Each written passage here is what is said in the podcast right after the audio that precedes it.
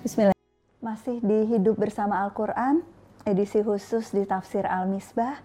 Dan di hari ke-15 Ramadan ini, kita masih membahas surah yang sangat indah, surah Ar-Rahman.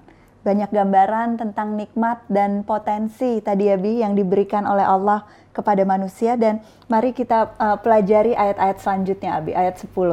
Oke, kita lihat. Jadi eh, kita kembali Allah menciptakan segala sesuatu ini dengan perhitungan yang teliti dan ada neraca keseimbangan. Betul. Nah, kita dituntut untuk menegakkan neraca keseimbangan itu dalam segala kegiatan kita. Neraca keseimbangan itu menghasilkan moderasi. Karena Tidak berlebih di satu sisi, tidak berkurang di sisi lain. Karena moderasi itu jalan pertengahan. Jalan pertengahan, pertengahan sehingga menyenangkan di sini dan menyenangkan di sana. Itu sebabnya kita adalah umatan wasatan, umat moderat. Karena apa? Karena kita punya timbangan. Derajat. Baik, kita lanjutkan.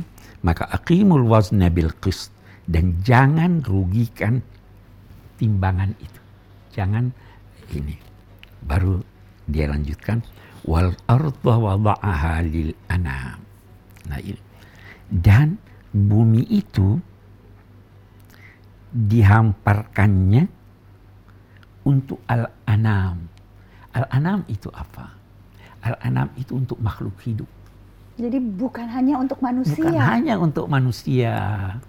Eh, beri kesempatan hidup binatang-binatang ada seorang ulama berjalan dengan murid-muridnya, tiba-tiba di sampingnya ada anjing berjalan. Dia usir anjingnya.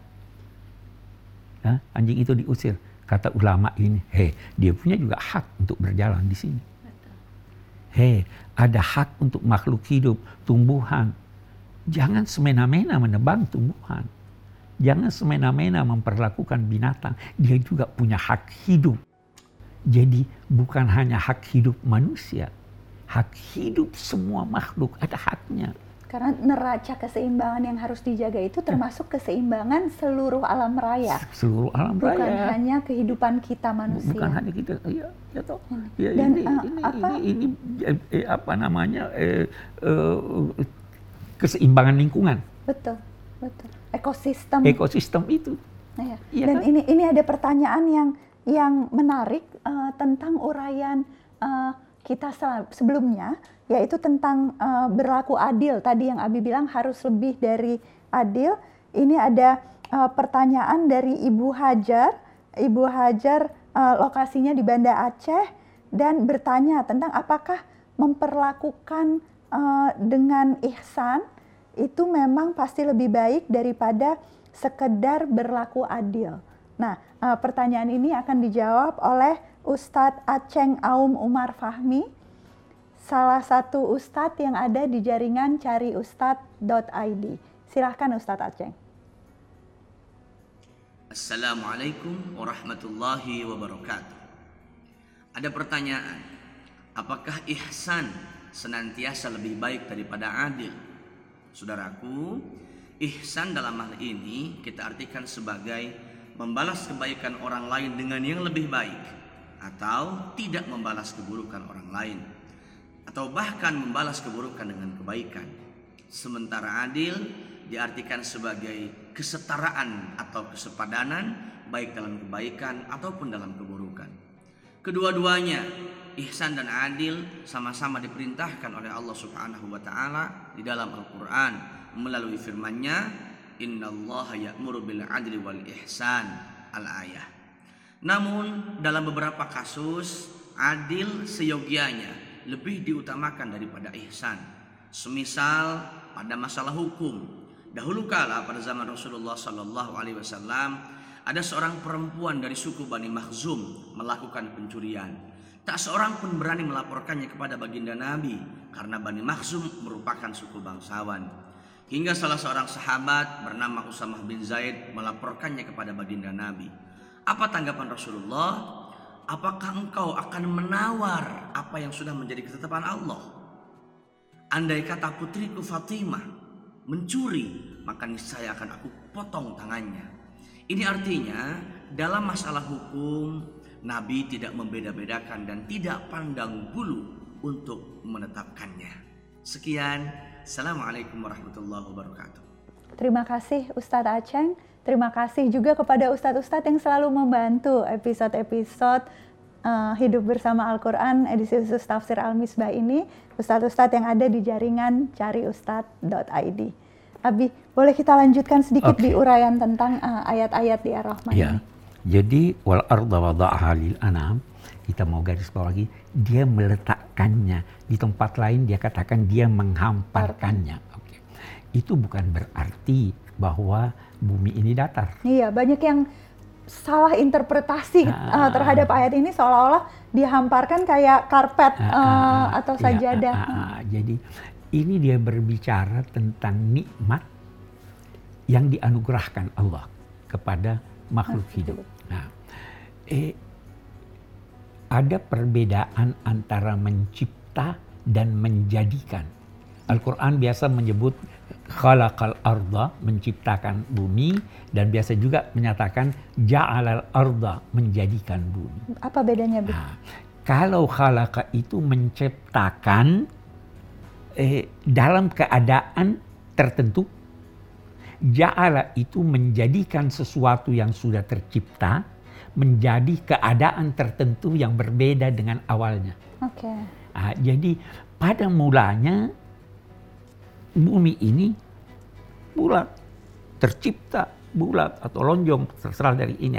Tetapi untuk dimanfaatkan oleh manusia, Allah menjadikannya datar sehingga walaupun dia beredar ini tidak dirasakan peredarannya oleh manusia, eh, tapi ke mana pun dia mengarahkan pandangan, dia akan lihat eh, eh, bumi ini datar untuk mempermudah sebetulnya untuk mempermudah. Uh, kehidupan manusia uh, dan itu salah satu bagian dari nikmat Allah. Dari salah satu bagian nah, itu yang dikatakan wada'aha lil anam.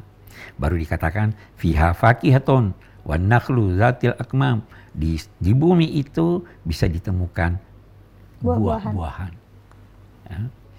Ditemukan eh, apa namanya? pohon korma. Ya kan? yang memiliki mayang-mayang, ditemukan biji-bijian yang berkulit, ha? ditemukan raihan, apa itu? Eh, raihan tuh harum ya, Bi? Ah, ah buah-buahan yang harum. Maka setelah menyebut ini semua dinyatakannya fabi ayyi ala rabbikum Hai manusia dan jin Nikmat manakah di antara nikmat-nikmat Tuhanmu yang kamu dustakan? Semua ini ciptaan Tuhan. Dia yang mencipta manusia, dia yang memberinya potensi untuk ini. Dia menciptakan matahari dan bulan dan seterusnya dan seterusnya. Ini semua anugerah Tuhan. Apa kamu mau ingkari itu? Apa kamu merasa bahwa kamu mencipta dirimu? Kamu merasa bahwa matahari itu kamu yang menciptakan? dan teratur sedemikian rupa. Begian banyak, hai manusia, nikmat manakah di antara nikmat-nikmat Tuhanmu yang kamu dustakan? Menarik. Waktu turun ayat ini, Nabi membacakan, sahabat-sahabat Nabi terdiam. Nabi tegur, hai, jin lebih pandai dari kamu. Mereka menjawab, Ya Allah, tidak satu pun dari nikmatmu yang kami ingkari. Apa makna eh, tuntunan Nabi ini? Itu tadi yang Abi katakan kemarin bahwa bacalah Al-Quran seakan-akan dia turun bercakap-cakap dengan kita. Tuhan bercakap-cakap dengan kamu. Jadi setiap ada pertanyaan jawab, setiap ada uraian nikmat syukuri. Setiap ada perintah sujud, sujud. Sujud. Ya kan? Karena dia berdialog dengan kita. Nah, sahabat-sahabat Nabi ini terdiam, diajar oleh Nabi. Dia berdialog dengan kamu. Nah, kalau kita baca tanpa merasa berdialog, ya ini aja. Cuek. Cuek. Hmm. Ini yang berdialog dengan Anda Tuhan. Karena itu membacanya, mempelajarinya harus disertai dengan penghormatan, bahkan oleh ulama-ulama hukum itu harus berwudu, harus ini dan sebagainya. Itu itu ayat-ayat itu. Dan ini pertanyaan yang diajukan 31 kali 31 di surah Ar-Rahman. Fabi ya. ayyi rabbikuma. Apa jawaban kita teman-teman? Jawaban kita insya Allah kita jawab bersama-sama hari ini bahwa tidak ada ya Bi tidak ada satu nikmat, Tuhan. Tuhan satu pun tidak ada yang kita dustakan.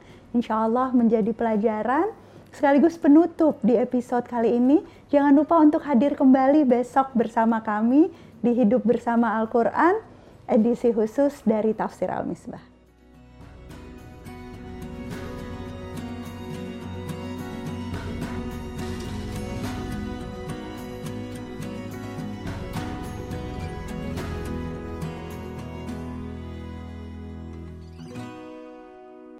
Jari Ustadz.id adalah sebuah platform yang membantu menghubungkan umat dengan jaringan ustadz dan ustazah yang ramah dan kompeten di seluruh Indonesia.